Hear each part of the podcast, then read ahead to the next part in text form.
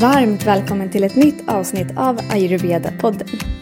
Syftet med den här podden är att låta ayurveda gå från något abstrakt och avlägset till något mer konkret och lättillgängligt. Jag som pratar heter Johanna Mård och tillsammans med mina gäster undersöker vi hur den här kunskapen kan göra skillnad för oss alla och vår hälsa. Den här gången gästas jag av Sari Kinnunen. Hon är utbildad yoga och meditationslärare samt ayurvedisk hälsorådgivare och vedisk astrolog. Under flera år så har hon både bott och studerat och arbetat i Himalaya på ett ashram utanför Rishikesh som heter Sattva Yoga Academy. En av hennes roller på ashramet var att ta hand om elever och hjälpa dem med sin kunskap och healing när det behövdes. Och under hennes tid på ashramet undervisade hon även i yoga, meditation och mantra. Under flera år har hon även studerat med många stora yogiska lärare, bland annat yogamästaren Govind Radha Krishnan, både i Indien och i Sverige. Ayurveda det har hon studerat i Indien, Sverige och i USA. Och idag vägleder hon ett fåtal studenter genom spiritualitet, andlig visdom, yoga, meditation och ayurveda. Och ibland håller hon även workshops, klasser och retreats. Och så ofta som Sari kan så är hon i Indien och då gärna i Himalaya eller Kerala som har blivit som hennes andra hem. Och en annan av hennes passioner är att designa och tillverka hennes egna smyckeskollektion under namnet Sari Devi Jewelry. Men i det här avsnittet så är det just mantran som vi kommer att prata mer om. Mantran är ju en stor del av den ayurvediska praktiken och något som faktiskt kan påverka oss både psykiskt och fysiskt om vi använder det på rätt sätt. Sari har mycket kunskap och erfarenhet av mantran och det kändes särskilt fint att få sitta ner med just henne för att prata om de här magiska vibrationerna. Om du vill komma i kontakt med Sari så hittar du henne på Facebook under namnet Sari Milter eller på Instagram som The Ayurvedic Yogini. Och jag hoppas att du kommer finna det här avsnittet lika givande som jag gjorde.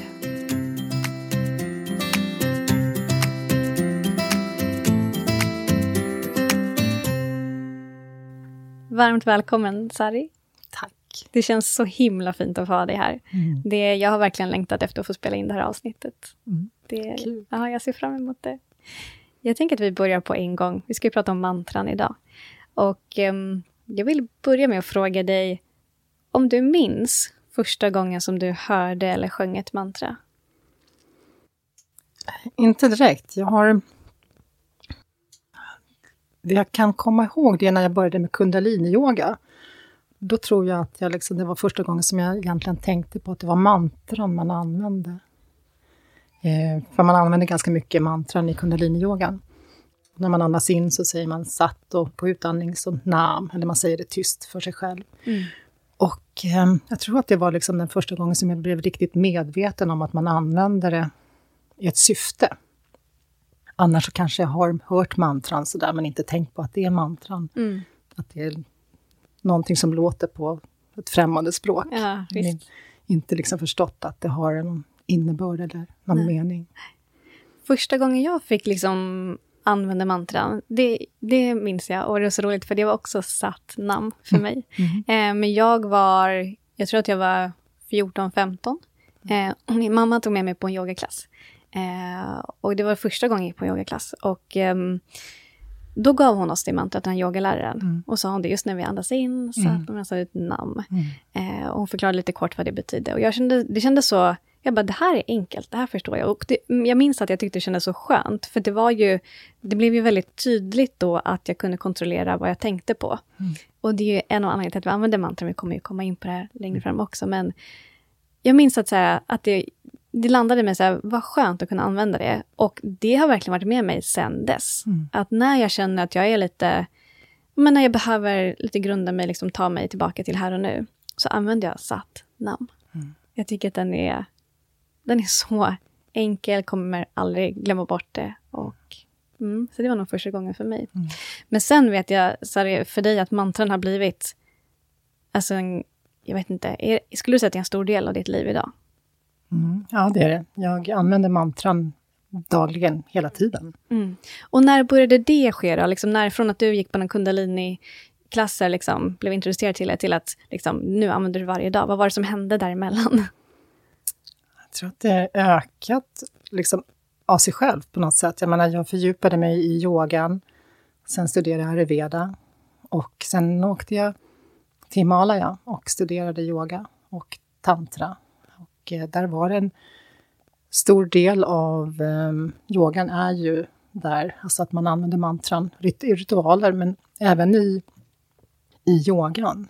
Och eh, så jag fick lära mig och eh, börja förstå lite mer av liksom själva innebörden i vad mantran kan göra. Eh, mer alltså vetenskapligt. Mm. Eh, och även få, liksom, jag lärde mig, men jag testade också mer praktiskt sätt av vad, vad som händer i min, min kropp och mitt sinne. När jag kan eh, precisera, liksom, har, det är som medicin. Eh, jag fick lära mig liksom effekterna av en medicin och testa, liksom, laborera med mig själv. Just. Och se hur precis det är. Och hur viktigt det är med, om man vill ha ett specifikt resultat. Som om du ger medicin så behöver du veta ingredienserna i medicinen för att den ska uppfylla sitt syfte. Mm. Och eh, så är det ju med mantran. Om man vill att de ska ha den här energi, att kunna skifta en energi, så behöver man också använda den på rätt sätt. Kanske vid rätt tidpunkt, med rätt intention, med rätt attityd och med rätt uttal. Och man kan göra det på många olika sätt. Man kan göra det tyst eller bara i sitt sinne. Man kan göra det genom att man viskar, då har den ett annat syfte. Man kan göra det högt, ljudligt, då har den ett annat syfte. Mm. Så att börja liksom förstå att det inte bara är ett ljud. Och egentligen är inte ett mantra ett ljud, utan det är en vibration. Mm. Sen kan vi använda det i... Eh, vi kan använda det liksom för att ha i kirtan, för att ha liksom bhakti, för att ha liksom devotion, gå in i en viss känsla för att höja liksom, och komma in i glädje och gemenskap. Och vi kan använda det i bajran, som det kallas. Man har då eh, man hör någon som reciterar en, ett mantrarad och sen så svarar de andra. Och Just det. det är ju fantastiskt. Alltså vad, det, vad sa du att det kallades? Just det, är det som är call and response? Ja, call and response. Mm. Och mm. Eh, det finns ju otroligt många artister som är liksom världskända. Eh, vi har ju besök av dem i Sverige och eh, ja, och det ger ju otroligt mycket glädje och energi i kroppen och eh, gemensam och man får en upplyftande känsla. Mm. Så att mantran kan användas på många olika sätt. Sen finns det ju mantran som eh, man... Heliga mantran, hemliga mantran, som man får, man blir initierad till. Inom, om man har studerat inom en viss tradition, eller har en viss lärare, så kan du bli initierad med ett mantra som, som är hem, alltså heligt för dig, hemligt. Eh, eller egentligen bara du som kan det, som får det.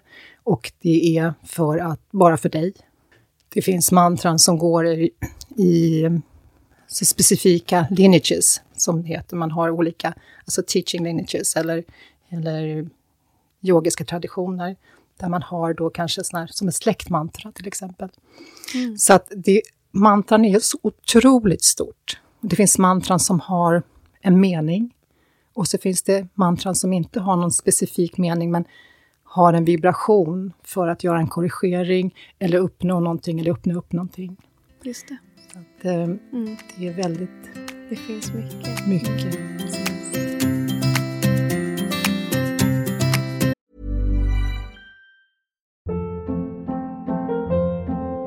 Hold up. What was that? Boring. No flavor. That was as bad as those leftovers you ate all week. Kiki Palmer here, and it's time to say hello to something fresh and guilt-free. Hello Fresh. Jazz up dinner with pecan-crusted chicken or garlic butter shrimp scampi. Now that's music to my mouth. Hello Fresh. Let's get this dinner party started. Discover all the delicious possibilities at hellofresh.com.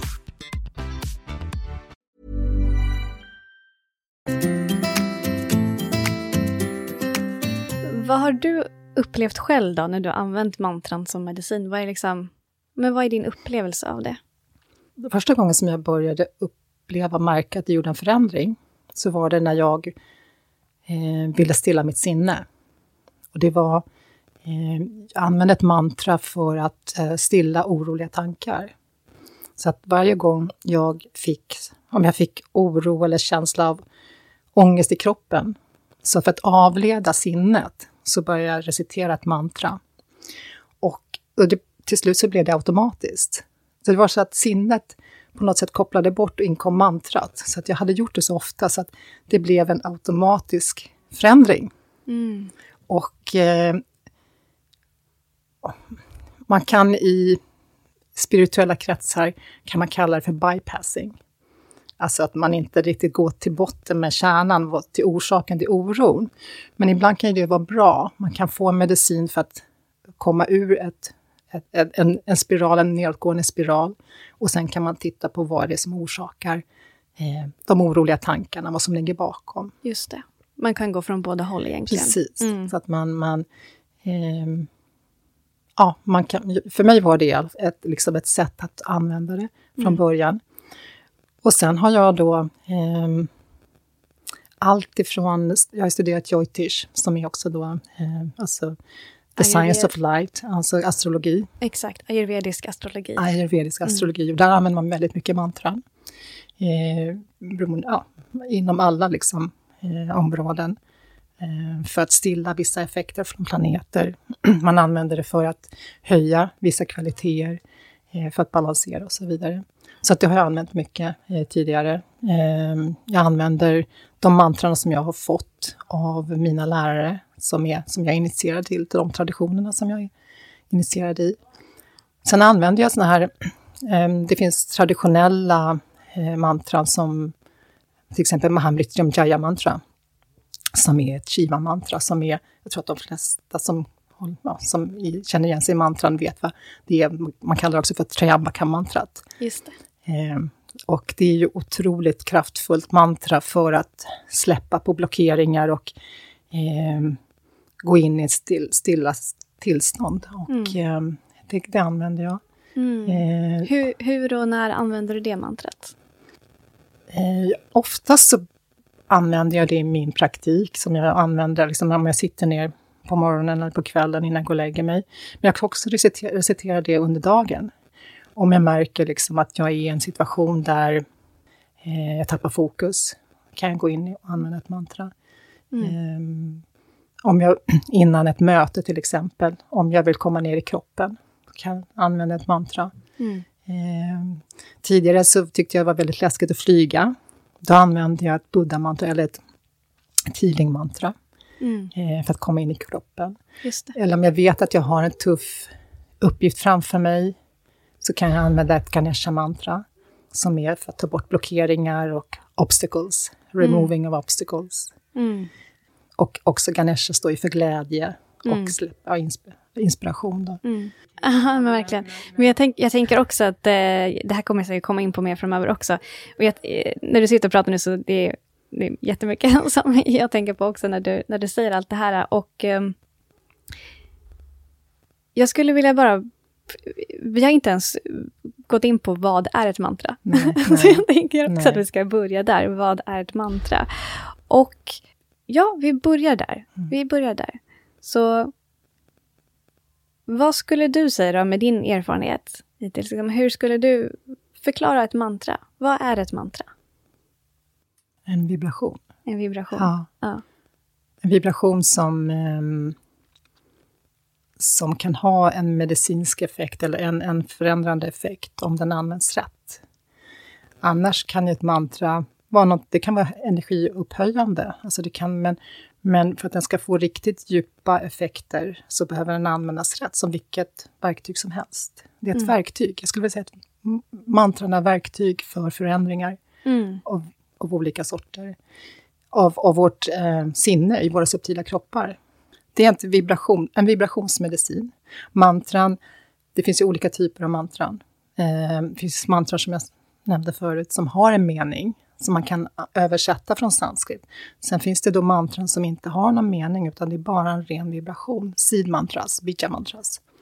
De har, eh, och egentligen kan man inte ens skriva dem, för att det är ett uttal, en vibration som, som inte, inte kan ja, man kan egentligen inte skriva ner den. Mm. Men för att vi då människor ska kunna liksom förstå den och den har gått liksom i arv så har vi skrivit ner den. Eller rishisarna har skrivit ner den. Just det.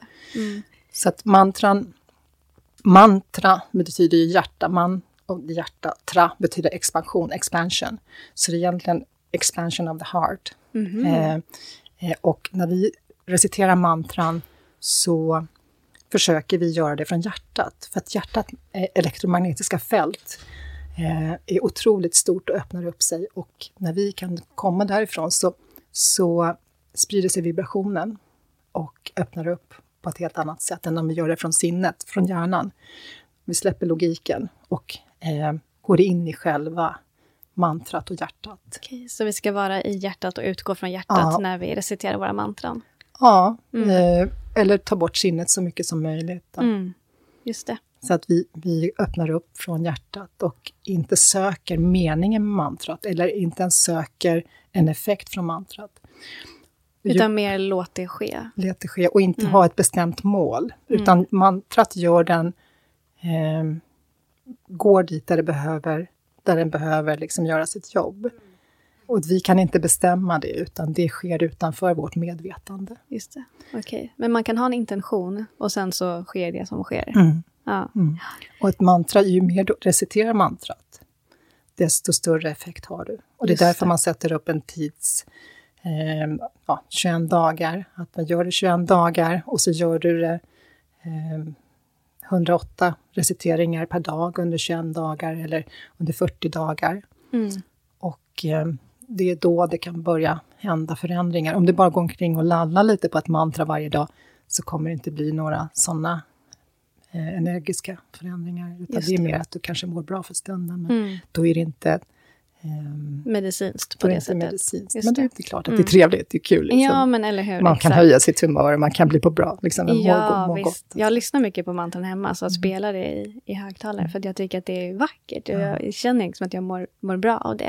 Mm. Eh, men det, då sätter jag inte på en mantraspellista av medicinsyfte, utan då är det ju massa olika mantran som Mm. går bara för att ja, men jag gillar det. Ja. Eh, mer så. Mm. Sen tror jag att det har gott syfte det också, men det är någonting annat om man använder liksom för något mer specifikt. mm. Ja. Och precis som, som du har sagt här nu, så jag, jag läser på här att alltså, rishis, de här visa människorna som först började praktisera ayurveda i Himalaya, de hade ju kunskap om att ljud är vibrationer, Mm. som, och de använder det rent medicinskt.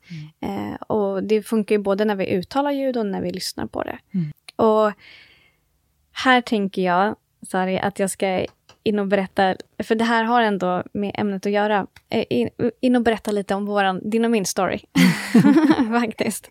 För att ehm, jag tror att jag träffade dig först, det måste ha varit 2019 som jag träffade dig första gången. Jag tror att det var 2019.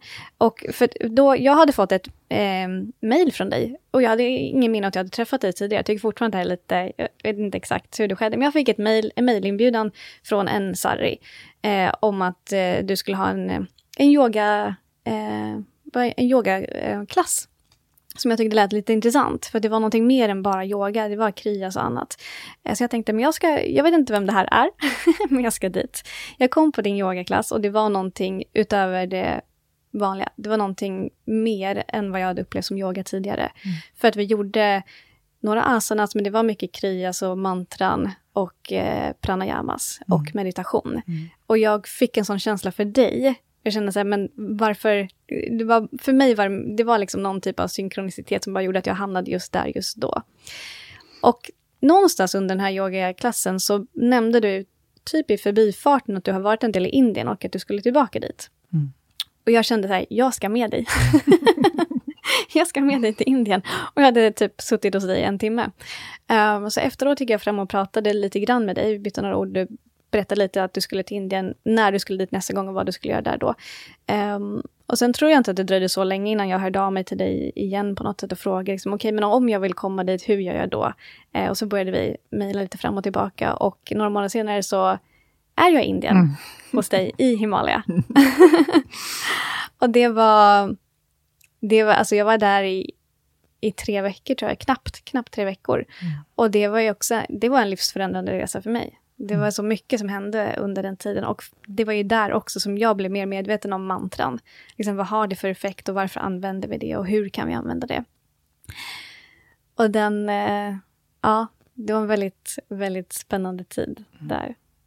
Ba, bara den grejen att, eh, vart var det du sa, ja, nu, min, nu har jag tappat namnet, vilken stad är det vi flyger till? Eh, Till du- Delhi. Till Delhi. Vi Mm. flyger till Delhi som ligger inte mitt i Indien. eller? Nej, det ligger ju lite, alltså norr, det, Ja. ligger, det ligger ju ungefär sju timmars bilresa från Himalaya. Exakt. För jag frågade dig så här, men hur kommer jag upp till Himalaya där du är på det stället där du bor? Ja. Då sa du, men flyg till Delhi Mm. och sen är det bil Mm. upp. Och då kollade bilen och sa, okej men det är sju timmar. Jag bara, hur? Då säger men ta taxi. Ja. Taxi sju timmar. Så det har jag gjort. Helt solo tjej liksom. Ja. Mitt i natten, taxi sju timmar. Men det var ju en person som jag hade förbokat Ja, via kontakter via dig, så Ja. jag inte hoppa in i en random taxi. Men Nej, det ska var, man inte göra. Nej, men bara det var en upplevelse. Alltså. Ja. Jag har bilat med en taxichaufför i sju timmar genom Indien. Indien. och upp till Himalaya och var där i tre veckor och det var helt fantastiskt. Det var, det var någonting utöver det vanliga där också. Och nu, nu ska jag ta fram en anteckningsbok som jag har med mig därifrån. Mm, vad spännande. Mm. Ja.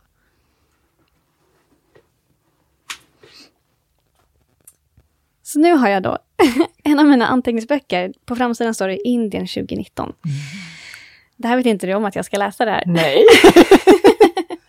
För när vi var där så fick jag sitta och prata mer med dig. Eh, och jag kände att här, den här kvinnan, jag upplever dig som väldigt vis, eh, klok. Och du har mycket menar, erfarenhet inom yoga och ayurveda och det spirituella. Eh, och vi använde en del mantran när vi var där i Indien.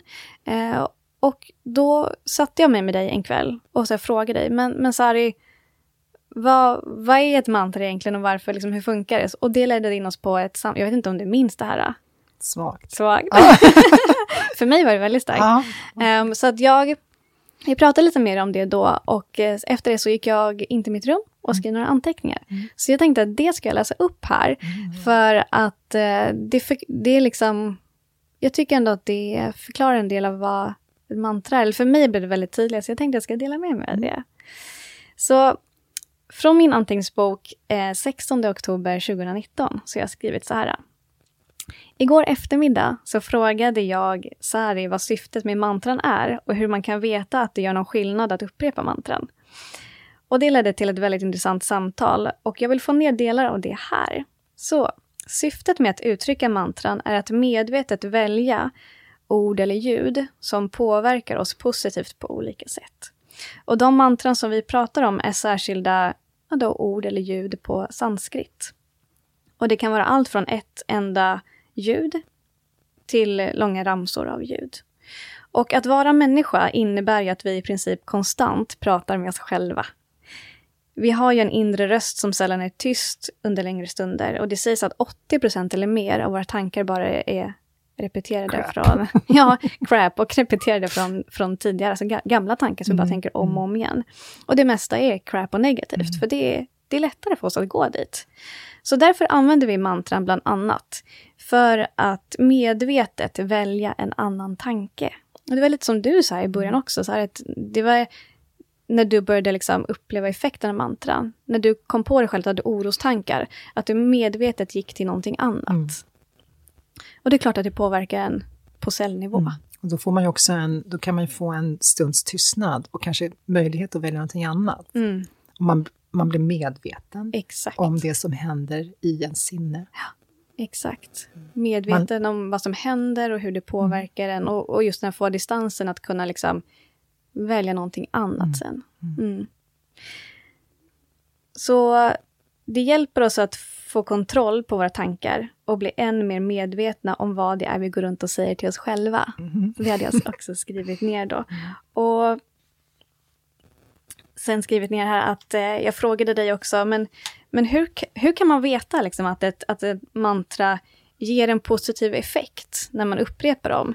För jag kan ju förstå att ord som liksom kärlek och typ lycka påverkar mig positivt, för att jag har en positiv association med de orden. Så om jag tänker mycket på kärlek eller tacksamhet så kan jag till slut känna känslorna av det. Men ett mantra, det är inte alltid jag vet vad det betyder. Så hur kan jag då veta att det har någon effekt? Mm. Det här var också någonting som vi pratade om då. Ehm, så det här var då en fråga som jag frågade dig. Som hur, hur kan det då påverka mig? Och då svarade du någonting i stil med det här att allt som manifesteras i universum manifesteras tack vare olika vibrationer. Mm. Och allt är energi i rörelse och det är frekvensen på en vibration som avgör vad det är som manifesteras. Så ljud är vibrationer och genom vibrationer kan vi omforma materia. Och eftersom att en vibration kan vibrera på en särskild frekvens så kan alltså ljud genom frekvenser forma ny materia. Mm. Och det finns alltså vissa ljud som har läkande effekt. Vissa ljud öppnar upp vårt medvetande till vårt högre jag. Och vissa ljud ger oss tillgång till mer prana och så vidare. Mm. Och därför spelar det inte så stor roll om vi förstår innebörden av alla mantran. Utan det är ljuden i sig som har de här effekterna. Mm. Och många gånger så är innebörden av ett mantra nästan oändligt och svårt att översätta till något av de moderna språk vi talar idag. Så det finns liksom inte heller något egentligen syfte med att översätta mantran liksom ordagrant, utan bara en mening med att förstå innebörden.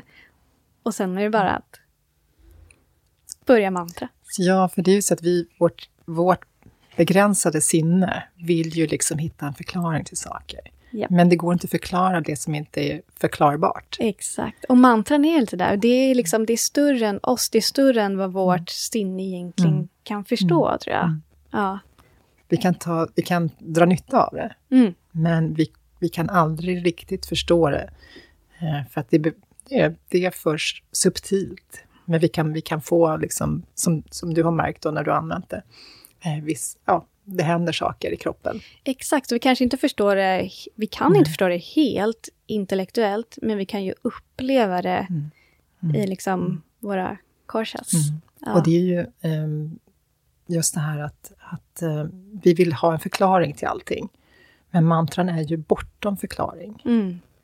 Och ehm, det är ju, det är ju själva, inte själva ljudet, det är själva vibrationen av, av det. Och allting som vi ser runt omkring oss, som, som vi upplever, är en vibration. Så att eh, det är ju, innan det blir en manifestation så är det en vibration. Och det är där vi också kan påverka, eh, och när vi blir medvetna om det. Mm. Och vi behöver inte ens vara medvetna om det, för vi, vi går, om vi går in i ett rum där det är musik som vi inte tycker om, alltså som stör oss, så, så känner vi att vi blir ihopdragna. Går vi in i ett rum där, där det är liksom ljuvlig musik som öppnar upp, då mår vi ju bra. Så att det är ju, allting handlar om vibrationer. Mm. Och Visst. när vi kan då lära oss dra nytta av det, Mm. så kan vi också förändras. Mm. Visst, ja. Så eh, jag tycker att det här är så spännande. och, och du har ju nämnt det här tidigare också, att ehm, man gärna upprepar mantran. Eh, och gärna liksom har en... Eh, ja, men det upprepas eh, flera gånger. Och många gånger så pratar man om att mantran ska upprepas upp till 108 gånger. Mm. 108 gånger, det är ju ett heligt tal. Man, man säger...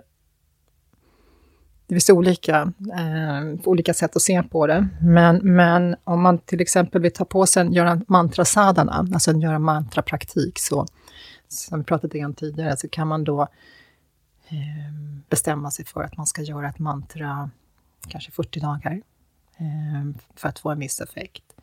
Eh, och då kan man bestämma sig för att man ska göra 108 repetitioner till exempel, eller 54 eller 27. Det är ju sådana heliga tal som man har. Eh, att man gör det dagligen Mm. och att man gör det då liksom, det blir som en tapas, det blir som en disciplin, det blir som en praktik och det i sig gör att eh, sinnena skärps. Man tar på sig liksom eh, en uppgift och man ser till att den genomförs och då öppnar man upp också. Så att eh, 108, man kan recitera upp till 100 000 gånger. Alltså det Ja, du finns hade gjort något 24 000 Det finns gånger. inget, alltså det finns, eller, Men det är ganska vanligt 108 Ja. och eh, det finns ju inom yogatraditioner och många andra heliga traditioner också så Mm. har vi ju såna här um, bönehalsband. Japamala. Japamala Mm, som det precis. heter. Inom, är det inom yoga vi kallar det för japamala? Eller är det alla traditioner? Jag vet faktiskt Vet inte, inte. nej. Nej. jag vet inte. Men man har ju sån här, heter ros, vad heter det, Mm, inom kristendomen har man ju såna här också pärlor som man går omkring och reciterar böner. Ja men exakt, mm. just det, precis. Mm. Ja. Men japamal i alla fall, det vi använder inom yogan. Mm. Eh, och ett sånt halsband har väl oftast 100 pärlor, mm. eller hur? Plus en moderpärla. Plus moderpärlan. Det, Man kan ha 54 också, men ett längre halsband som du har, den har nog 108. Ja, det är nog 108 på det här jag har på mig just nu. Det här köpte jag faktiskt när jag var i Himalaya. Så har den en moderpärla som utöver de där 108. Då. Ja, och um, varför, varför då, då? Varför 108 eller 54 eller 27? Jag är inte, jag är inte helt ja, jag vet inte helt exakt varför, men det är ett heligt tal. Det finns heliga tal. Mm. Och eh, det finns en vetenskap i det. Eh, och det har med att göra med allt annat i universum och i, i kosmos. Mm. Som har det förhållanden, olika förhållanden. Mm. Okej, okay, men jag tänk, vi behöver kanske inte precis gå in på exakt varför de talen. Mm. Men vad är, vi har nämnt det lite, men vad är syftet med att repetera då? Vad är det som händer när vi repeterar? Mm. Jag tänker, man kan ju ha en metafor. Det är som om, eh, det är som om du har en, eh, en skål, eller en, en, någonting som, en skål med lera till exempel, och droppar du vatten i den här leran, så till slut så blir det ju liksom djupare, djupare, djupare, djupare. Ju, mer liksom, ju, djup, liksom, ju fler droppar som kommer ner där i leran, den hårda leran, så ur, urholkas den. Och det är likadant med mantran. Det, blir en, liksom, det går djupare, djupare, djupare, djupare. Ju mer du reciterar, det djupare går den här signalen eller vibrationen. Mm. Eh, man gröper ur eller man... Eh, det är som om du gräver hål i sanden på många olika ställen så kommer du aldrig riktigt djupt. Men om du fokuserar på ett ställe så når du en djupare effekt. Just det. Så att du kommer, och sen vad som händer med sinnet är ju att den, den går in i ett meditativt tillstånd. Ju mer du repeterar den så kommer du in i, det finns olika hjärnvågor, du kommer in i ett tillstånd där du eh, till slut kanske inte ens behöver tänka på mantrat, utan det reciterar sig själv. Och ju mer du har gjort det här mantrat, ju, ju djupare går det i, i dig till slut så börjar det liksom vibrera av sig själv. Den här vibrationen blir en del av dig och du blir en del av den här mantrat. Och mantran som man använder ofta, om man reciterar det med en specifik liksom, ja, intensitet och ofta, det, är, det förändras och man blir en del av den här vibrationen. Och det börjar ske då sådana subtila förändringar som sen ger sig uttryck i vår vardag på olika sätt. Mm. Eh, och det går inte att säga hur, utan det där är ju väldigt olika. Just det. Så samma mantra ger olika effekt beroende på hur länge du har bearbetat det mantrat kan man säga. Och sen som du lite sa i början också, med vilken intention, liksom, kanske ja, när, ja. var, hur. Ja, det finns ju mantran till exempel som det här, om, det här Trayambakam-mantrat, Mahamritrim mm. Jaya-mantrat. Mm. Det är ett Shiva-mantra. Vad menas med Shiva-mantra? Alltså det, Shiva är ju ett tillstånd, ett medvetande tillstånd. Alltså silence, oneness. Mm. Eh, eh, absolut silence. Och ett Shiva-mantra eh, är ett, det är inte något litet lätt mantra som man säger om Triambakam Yajamahe, utan ett Shiva-mantra är mer pondus. Om Triambakam Yajamahe mm. Sugandhi Bushti Vardanam. Mm. Det är en, ett transformativt mantra. Eh, när man, eh, själva mantrat eh, använder man för att transformera, gå vidare, släppa taget. Och det gör man inte med om Trayambakam Yama, utan man behöver en kraft till det. Och mm. det är mm. attityden, bavan. Och eh, så att man, alla de här sakerna vägs in i ett mantra. Sen kan man i, i kirtan och i liksom, när man hör på musik så kan de ju eh, ändra de här mantrarna så att de låter, de blir, blir lyssningsbara. Mm. Men yeah. ett Shiva-mantra är ett kraftfullt mantra. Och det, det attityden ska speglas i även om man ska ha effekten av just det. Just det, ja.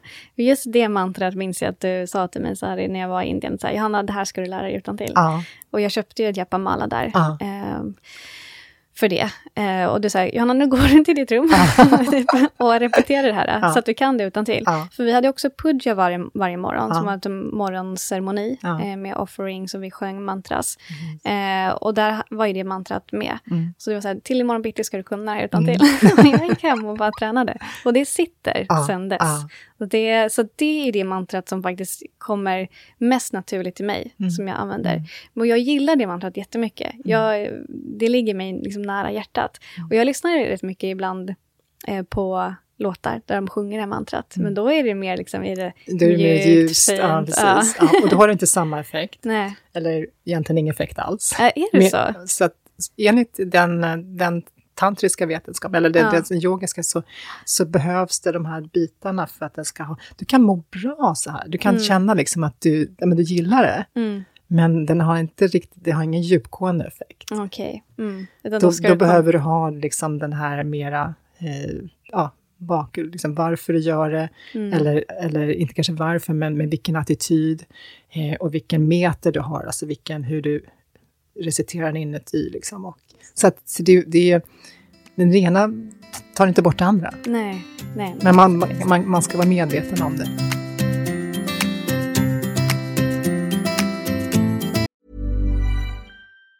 Planning for your next trip? Elevate your travel style with Quince. Quince has all the jet setting essentials you'll want for your next getaway, like European linen, premium luggage options, buttery soft Italian leather bags, and so much more. And it's all priced at 50 to 80% less than similar brands. Plus, Quince only works with factories that use safe and ethical manufacturing practices. Pack your bags with high-quality essentials you'll be wearing for vacations to come with Quince. Go to quince.com slash trip for free shipping and 365-day returns. Hold up. What was that? Boring. No flavor. That was as bad as those leftovers you ate all week. Kiki Palmer here, and it's time to say hello to something fresh and guilt-free. Hello Fresh. Jazz up dinner with pecan-crusted chicken or garlic butter shrimp scampi. Now that's music to my mouth. Hello Fresh. Let's get this dinner party started. Discover all the delicious possibilities at hellofresh.com.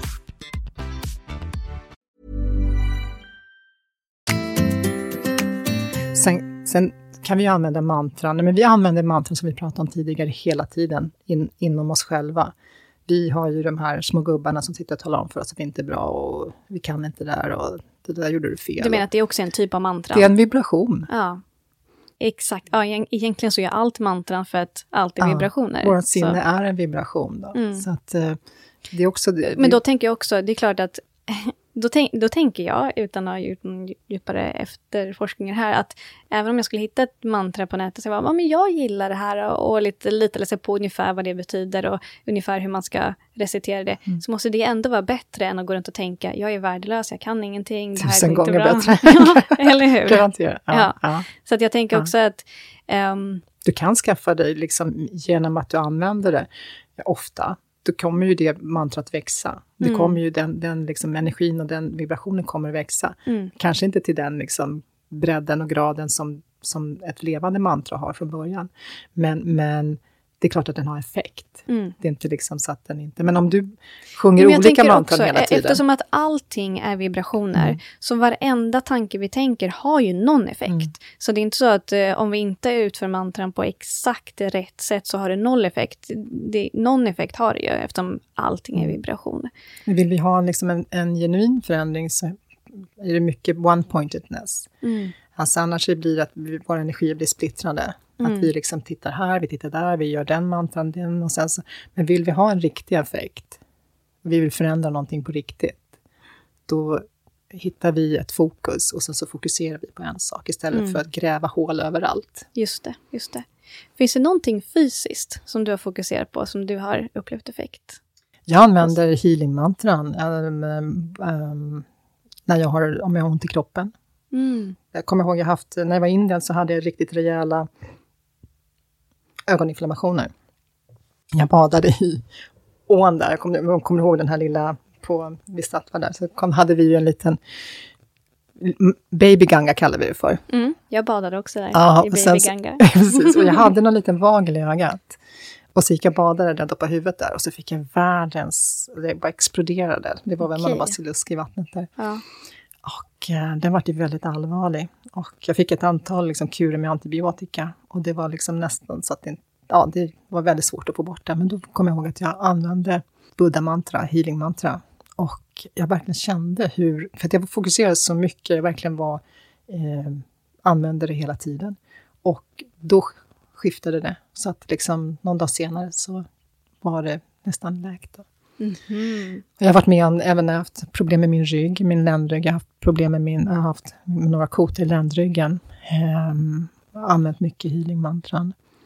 Um, ja, som sagt, jag använde Ganesh-mantran en hel del vid när jag liksom varit flygrädd. Då släpper det. Mm. Um, så att jag använder mantran Ja, jag, märkt, jag har märkt en jätteskillnad. Mm.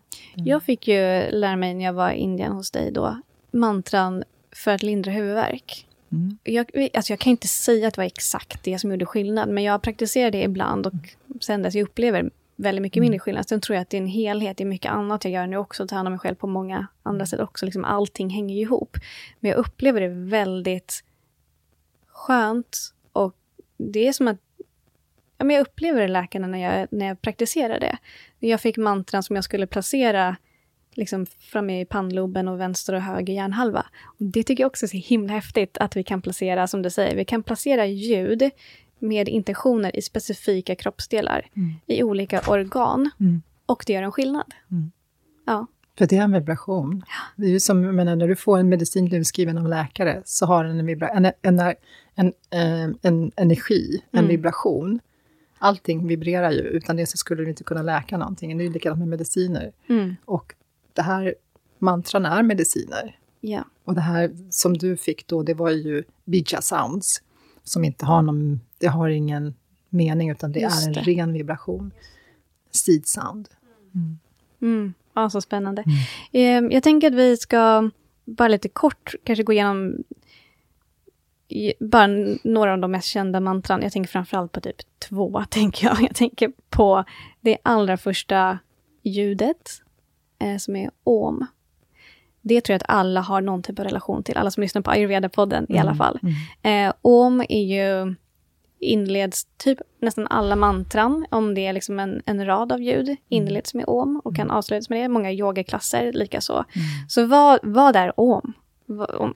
Om du får E- berätta. Egentligen är eh, om inget ljud, utan det är en vibration. Och vi, Ah, vi kommer, Ja. hur vi än försöker kommer vi aldrig kunna komma till det, den vibrationen, för den vibrationen är början till allt. Det, om är oneness. Om är alltså det absoluta tillståndet som, som inte vi, vi kan egentligen inte uttala det, men vi försöker liksom hitta ett sätt att nå dit. Så egentligen slutet på om, det är själva den här, mm, den som, slutet på det som inte hörs, kan man toucha kanske då till själva, liksom, om man har den sinnesnärvaron. Då. Mm. Men det att, om är att man går in i det här alltet, att man blir... Det, det är universums ljud, kosmos ljud, vibration. Det är inte egentligen ett ljud, det är en vibration. Om, om kan inte uttalas egentligen. Nej, okej, men vi försöker. Vi försöker. Men så det, som jag har förstått det så är det just att om är vibrationen av universum. Och vi är ju en del av universum. Eh, och jag tänker att vi använder det för att lite men, bli ett med oneness. mm, att det är ju, när vi uttalar om så är, ju det ett sätt för oss att det sammankoppla oss med allting som är större än oss själva. Mm. Mm. Ja, man kan kanske säga så. Säg inte att det är rätt Nej, eller sant, nej. men det är så jag har förstått det. Ja. Och eh, det, det har någonting med universums vibration att göra i alla fall. Skapelsen, man kan säga Mm. om i liksom skapelsens vibration, Mm. om, man, om man försöker sätta ord på det. Precis. Och om shanti, shanti, shanti är också ganska vanligt. Mm. Vad betyder det och när och varför använder man det? Shanti, shanti, shanti är ju fred, fred, fred. Så att man, man går in i det här tillståndet av fred. Alltså eh, treenigheten, alltså fred för alla, fred för mig själv, fred för, alltså past, present and future i alla tillstånd. Treenigheten finns ju liksom på alla, inom alla nivåer. Man föds, man lever, man dör. Mm. Eh, och om shanti, shanti, shanti står för att fred för, för alla levande i alla tillstånd, Mm. på alla nivåer. Just det. Finns det någon mer mantra som du tänker sig? Vad är det mer vanligt man- mantra som många kanske känner till eller använder? Ganska vanligt tror jag, det är Ganesha-mantrat, om Gangana Patiya Namaha. Just det. Och det ju, används ju för att... Många, många ritualer som man börjar... Egentligen i Himalaya, i den tantriska traditionen, så använder man alltid ett, Ganesha-mantra innan man börjar de andra mantrarna. Mm. För det öppnar upp för eh, det andra. Man använder det för att ta bort hinder och eh, obstacles, alltså röja undan. Så att det används och... ehm, Det är inget Shiva-mantra då? Nej, nej, det är mer... Ganesha är ju son till Shiva. Om man då ser till den ikonen Shiva. Det. Det här är ikoner. Det är ju Mm. liksom kvaliteter av, av Mm. oss människor som vi har då satt ihop, eller som, som har satts ihop i olika former. Just det. Så eh, Ganapati eller Ganesha är the remover of obstacles. Och det kan man använda, eh, det kan vem som helst använda. Det är ett väldigt grundande, balanserande mantra. Mm. Eh, jobbar med Muladhara chakra. Just det, vårt- rotchakrat. Ja, med vårt Mm. rotchakra. Ja, och det leder mig lite in på, jag tänkte att vi ska, innan vi, innan vi avslutar, tänkte jag, ha, har du på lager några vata, pitta respektive kaffa balanserade mantran? Mm, alltså vi För jag tänker att eh, alltså mantran, yoga och ayurveda går Ah, hand i hand. ah. Och vi har pratat om mantran använder vi som medicin. Och vi har pratat lite om att man kan använda det för specifika åkommor. Om man har ont i någon ryggkot, om man har huvudvärk eller om man har ögoninflammation. Då kan vi använda mantran som ytterligare ett sätt att, att, eh, att läka oss. Och ehm, det här är ju ayurveda-podden. Vi pratar mycket om vata, pitta och kaffa. Och det är också, det är klart att det finns ljud som balanserar, ljud, vibrationer, vibrationer som balanserar vata-doshan Mm. och respektive pitta och kaffa. Sen, alltså, om man tänker på... Jag skulle inte vilja generalisera så, för att det är ju... Vata är ju en dosha. Mm. Och pitta är en dosha, och kaffe är en dosha. Och det, man kan ju ha olika obalanser när man har överskott av vata till exempel. Menar, du kan ju, vara Absolut. väldigt, Mm. du kan ju ha oro och ångest till exempel. Eh, du kan vara liksom mycket att du har för mycket i sinnet. Att du är liksom spaced out. Och, och då är ju Ganesha-mantra väldigt bra. Mm. Eh, det är ett väldigt grundande mantra. Och allting som har med rotchakrat är ju grundande. Mm. Så att eh, det, är- det är någonting som jag eh, använder och rekommenderar andra att använda. Okej. Även också ett Krishna-mantra som är eh, som kanske inte är så känt för så många, men, men eh, i, i de yogiska kretsarna och de tantriska kretsarna så använder man eh, Om Namo Bhagavate Vasudevaya. Och det är mycket för sinnet, balansera sinnet. Det är ett Krishna-mantra för att öppna upp, men också för att eh, få in glädje och släppa på de här eh, ta, ja, tankarna, oron, ångest och sånt. Då. Och när man balanserar vattan så balanserar man ju balanserar på alla plan såklart. Då. Mm. Du kan ju ha en vattaobalans fast du har en kaffa-personlighet. Liksom en. Absolut. Så att, eh, Mm. men för att då balansera kanske mycket oro och tankar och sånt, så, så är, är det två mantran som jag har använt som jag tycker är väldigt bra att använda. Mycket oro så är det fördelaktigt. Och pitta till exempel skulle jag rekommendera eh, Mahamritum Jaya mantra för att släppa på liksom få en transformation. Men även öppna upp hjärtat. För att här, vi har ju som, när man har en pitta, har du mycket pitta i det så det är lätt att man blir självkritisk. Och man blir judgmental, alltså dömande, hård mot dig själv och mot andra. Och då är Lakshmi eh, eh, mycket man jobbar från hjärtat. Och framförallt när man reciterar mantrat, att man verkligen är fokuserad på hjärtat. Så man har en pitta, om du har mycket hetta i kroppen. Mm. Ehm, och då gå till hjärtat och recitera, verkligen fokusera på hjärtat och öppna upp abundance, Lakshmi abundance, Mm. överflöd. Och eh, öppna upp för det här. Mm. Eh, så att, eh, ett Lakshmi-mantra. Jag tänker att eh, jag kommer skriva ner det här i avsnittsbeskrivningen. Ja, ja kan, du, kan, du, får, du får mantrarna. Ja, men exakt. Ja. Så att har man dem, eh, om Ja. man inte kommer ihåg dem utan till eller kan dem, så kolla i avsnittsbeskrivningen så har vi skrivit ner dem där. Precis. Och jag tänker kaffa-mantra, där är också där, om man nu är lethargic, om du har liksom, du, behöver, du har väldigt mycket tamas i dig.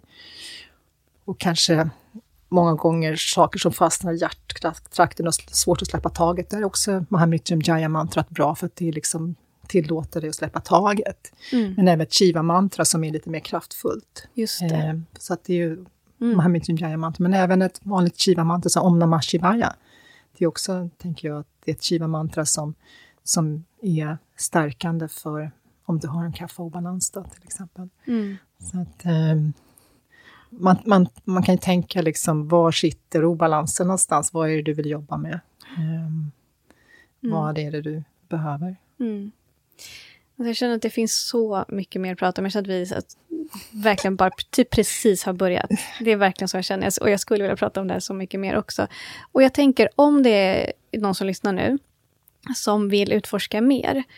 Um, har du någon bok eller någonting annat? Vart ska man, liksom, vart ska man vända sig om man vill lära mer? Eller någon utbildning? Någon, vad? Om, man vill, om man vill lära sig mer om mantran? Ja, exakt. Um, inget sådär som jag kommer på direkt. Um, jag... Um, det som jag har fått till mig, det är ju muntligt mycket. Alltså jag har inte läst i böcker, utan jag har fått direkt från mina lärare. Just det. Så att jag har inte läst till mig mantran. Men det finns säkert jättemånga bra mantraböcker, men som jag inte är medveten om. Mm, mm, Jag har ju fått en direkt, när jag Mm. var Himalaya framför allt, men även med de lärare som jag studerar med idag. Då. mm. Så eh, tyvärr har jag ingen Mm. bra rekommendation. Nej, men det finns säkert om man Det sätter söker. jättemycket säkert. Mm. Eh, Om man... Eh, finns det några, liksom, några mantran eller några artister som du skulle kunna rekommendera om man vill lyssna mer hemma, om man vill ha det bara för att det är härligt? Så det finns många, det finns Mm. jättemånga. Alltså det finns ju många olika typer av artister. Jag gillar Krishna Das. Jag Mm, älskar, tycker jag han är med. så bra. Alltså Mm. Jag blir väldigt djupt berörd när han... Mm. Har du lyssnat på honom live någon gång? Nej. Han Jo, det har jag. Jo, men det har jag. Jag var har för, i? Rishikesh, kom jag på. Jo, men det, jag, jag mm, glömt bort Wow. Ja, han var i Rishikesh. Ehm, Han kommer till Stockholm snart.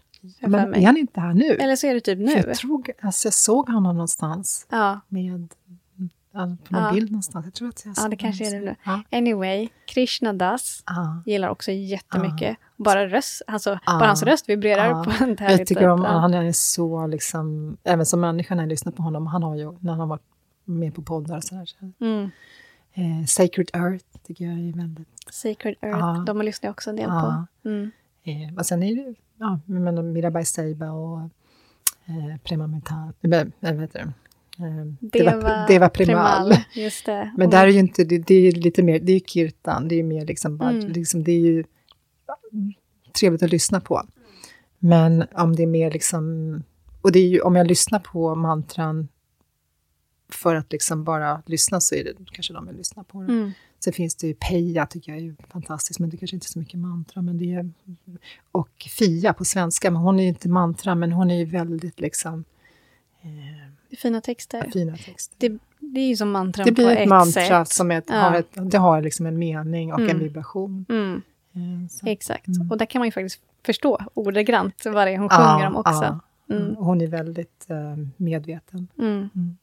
Väldigt fint. Är det någonting du vill, någonting mer du vill lägga till innan vi avslutar? Det känns som att jag upplever att vi typ precis har börjat, men, så det finns säkert mycket, men är det någonting du känner som du vill, liksom värdefullt att, att, att nämna här också? Det här kanske det som vi pratade lite grann om, att, att, vi, att man börjar med att studera sitt sinne och, eh, ehm, och ser liksom, man tar ett steg därifrån och sen så implementerar mantran för att bryta de här mönstren man har, den här destruktiva tankarna vi har om oss själva. Alla har det. När jag började med det här så trodde jag att jag var den enda i världen som hade det. ja. Eh, och sen så är, har alla det. Alla har det. Och, ehm, men att man blir medveten om det och bara den förändringen, att man blir medveten om det och sen kan ehm, bryta det med ett mantra. Mm. Det gör otroligt stor skillnad för, för ens mående. Det har gjort en väldigt stor skillnad för mitt mående Mm. och kunna bli medveten om det. Och mantrarna har ju den effekten att man får ett annat, ja, en annan syn på, på, på en själv och på det som man på det som för, för sig går inuti. Alltså jag upplever också att mm, när jag liksom blev mer medveten om mantran så har det hjälpt mig att fånga mig själv ibland när jag tänker liksom, men destruktiva, negativa eller orostankar eller katastroftankar. Så bara, men hallå, vad håller du på med? Och så går jag direkt till ett mantra istället. Mm. Och det är ju verkligen att så här, medvetet välja vilka tankar du tänker. Och vi vet ju att varje tanke har sin vibration. Så det är klart att det påverkar hela ens sinne och fysiska kropp när vi väljer ett mantra istället. Det som jag använde förut när jag har haft en tendens, en pittad tendens till att döma mig själv hårt då, för att jag inte presterar. Och då använder jag ett mantra, alltså jag är kärlek. Um, nu glömmer jag bort det, glömmer, vad heter det, bara för att jag skulle säga aham prema. aham prema. Och då liksom byta ut de här självkritiska tankarna till en Aham vibration. prema. Aham prema. Ja, Jag är kärlek. Kärlek är jag. Mm. Och så att använda, använda motsatsen till, till det som liksom sinnet, dit sinnet vill gå. Ja, och det är det ayurveda, en grund i ayurveda, att lika skapar lika och motsatsen balanserar. Bara en sak som slog mig nu, jag kommer att tänka på det tidigare när du pratade om det här eh, ler, lerkoppen, Mm. som vi har en droppe vatten. Om vi, om vi är fokuserade och centrerade så kan vi komma djupare och djupare och djupare och djupare. Jag tyckte det var så fin metafor. Och det fick mig att tänka på en annan metafor som jag har hört människor prata om när man pratar om tankar. Just att, och tankar som vi är vana att tänka har ju skapat ganska djupa nervbanor i hjärnan, brukar man Mm. säga. Att det blir en, en tanke som vi tänker ren vana färdas i hjärnan likt bilar på en motorväg. Mm. För det är så lätt för den tanken att ta sig fram och den kommer bara rent automatiskt. Men ska vi tänka en ny tanke, då är det lite som att gå över ett vetefält där ingen har gått förut. Vi ser inte riktigt hur vi ska ta oss fram. Och så kanske vi går över vetefältet från ena sidan till den andra en gång. Och eh, när vi tittar tillbaka så syns det inte att vi har gått där, för vetet ställer sig upp igen. Men när vi har gått tio gånger, då kanske man börjar ana en väg, eller en, en liten stig. Eh, och när vi har gått där 108 gånger, så då ser vi stigen och då är det lättare att ta sig fram där. Och jag tänker att det är lite samma sak med mantran såklart. Att ju oftare vi repeterar dem, desto lättare kommer det vara för oss att ta oss fram med det här mantrat. Det kommer bli mer bekvämt att använda det också. För det kan ju kännas lite obekvämt när man tänker en ny tanke första Mm, gången, mm. eller ett nytt mantra Mm, första gången. Och sen också det som du, vi varit inne på, att ju oftare vi repeterar ett mantra, det till, till slut kommer det bli liksom vibrera på cellnivå. Det blir ett cellminne. Precis som om du har för vana att tänka negativa tankar om dig, så vibrerar ju den energin på cellnivå också. Och mantran och positiva tankar, ju mer vi repeterar det kommer det också till slut bli en del av ditt cellminne. Och det, blir, det lägger sig, liksom, det penetrerar vårt undermedvetna. Och för att vi ska kunna få en förändring i oss själva, vårt beteende, så är det där förändringen måste ske. Mm. Förändringar är ju oftast obekväma. Och, men utan det här obekväma så blir det ingen förändring. Nej, exakt. Och det obekväma kan bli bekvämt. Ja, Så när man blir van vid det. Mm. Och då kanske det är dags att byta mantra. Det eller, så, eller så blir ja. det en, mantrat blir en del av dig. Ja, Och det är då det liksom, när, det, när, det, när du kommer på det själv, eller du hör det här ljudet utan att du tänker på det, då har det blivit en del av dig, den här mm. vibrationen. Kan du komma på dig själv här, men oj, nu går jag och reciterar ett mantra här. Mm. Det gör det. Mm. Mm. Ett som kommer upp till mig ofta, det är Om Namah Shivaya. Om Namah Shivaya, det kan komma precis när som helst. Och är det, tror du att det är någonstans att det är liksom kanske ditt undermedvetna som säger att nu behövs det? Jag vet inte vad det är som gör det. Jag vet att det, det kommer upp i sådana situationer där jag känner att jag behöver kraft och styrka. Mm. Jag har varit väldigt höjdrädd. Och första gången jag var i Varkala, det var inte så himla högt, men för mig var det högt. Då kommer jag ihåg när jag gick upp för de här trapporna vid Varkana Cliff, att, att jag kommer på mig själv igen, att liksom det kommer upp det här mantrat om Namah Shivaya, och jag vet inte varifrån det kommer. Men det gör det fortfarande. Att när jag är- liksom hamnar i situationer som jag tycker är obekväma, där jag är rädd, då kommer det upp. Och då förändras mitt, liksom, mitt sinne Mm. min energi förändras. Så att, ehm, ja. Mm. Vad fint. Så någonstans varifrån det kommer, det vet jag inte. Men det finns ju runt. Och där och då märker du en liksom instant Ja, effekt. ja. Mm. Och när jag var i Himalaya, när vi var uppe i bergen och vandrade, så fick jag ett mantra av min lärare som jag skulle använda för att skingra jag, mina, min höjdrädsla, jag är fruktansvärt höjdrädd. Bra ställe att åka till Himalaya då. Men, Det var lite läskigt sista biten med bilen där, för det är Ja. högt upp och det är inte så, det är inga breda motorvägar där. Det är liksom jag, ja, jag fick grusväg som slingrar sig över bergen. Ja, Alltså. och vi var uppe vandrade i, i, i bergen och runt omkring där vi bodde. Och det var ju sån här, så smalt som man knappt fick ena foten framför den andra. och det var så stup rakt ner och så fick jag ett mantra. Och det kan säga, det var enda som fick mig att fortsätta var att jag, det enda jag fokuserade på var det här mantrat. Mm. Och det är det jag har använt mig av liksom, i liknande situationer. Att jag sätter fullt fokus på ett mantra Mm. och liksom inte vad jag sätter mina fötter. Eller inte, jag, jag, ser vad jag sätter mina fötter, men jag tillåter mig själv inte att höra den här rösten som talar om vad kan hända om du ramlar ner. Just det. Utan då blir det det här mantrat som jag har då använt istället. Då. I mitt fall så har jag använt ett Durga-mantra som är liksom kvinnlig gudinnekraft. Just det. Mm. Mm. Som har hjälpt mig. Ja, wow. Det är... Vi kanske ska starta en mantrapodd. Eller någon annan där ute som känner sig manad till... Ja, Ja, Det det, finns, det är så otroligt... Alltså man, det finns många olika vägar in och syn, liksom, syn, synsätt kring mantran och många olika traditioner Mm. i, i liksom, det också. Mm. Ja. Och nu har vi pratat om det lite mer än en timme och det finns så otroligt mycket mer Mm. att säga såklart. Det här var bara en liten, eh, tis. en liten tease, exakt. Men jag hoppas ändå Mm. att vi har lyckats förmedla det här att mantran, det är på riktigt. Mm. Och det funkar och det används och det används i många, många tusen år. Jag tänker allt som används så länge, som fortfarande används idag, det måste ju vara för att det funkar. Liksom som allt med ayurveda och yoga. Du kan ju bara titta på, liksom, det finns mycket modern forskning på, liksom, på vibration och ljud. Man Mm. använder ju ljud inom healing. Jag menar, allting har en vibration, med ultraljud till exempel. Det är ju också en vibration. Eh, men de har sett de här, um, det finns några videos på Youtube, när de har såna här sand som de lägger ut på en stor platta. Just det. Och så sätter de de här plattorna i svängning i visst antal megahertz. Och Så när- det skapar en specifik vibration. Ja, då. som, alltså som ljud då till Ja. exempel.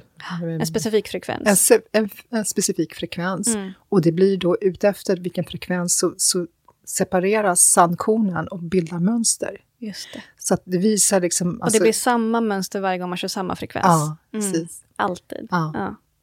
Det är coolt. Det att- säger ju också, det är precis, det kan man verkligen dra en parallell till att ett mantra skapar en viss En viss struktur. X-struktur, precis, Ja. omformar materia Mm, som det- vi pratade om. Mm. Och det kan man ju då ja, dra en parallell till våra, vad som händer i våra inre organ. Och liksom, Exakt. menar, eh, på cellnivå. Mm.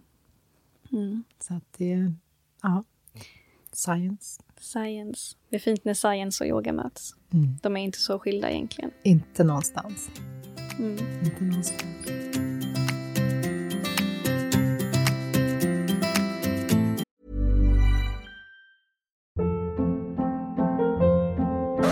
Hold up. What was that? Boring. No flavor. That was as bad as those leftovers you ate all week. Kiki Palmer here, and it's time to say hello to something fresh and guilt-free. Hello Fresh. Jazz up dinner with pecan-crusted chicken or garlic butter shrimp scampi. Now that's music to my mouth. Hello Fresh. Let's get this dinner party started. Discover all the delicious possibilities at hellofresh.com.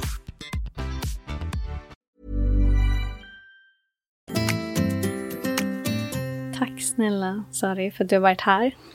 Delat din kunskap, din visdom, din erfarenhet.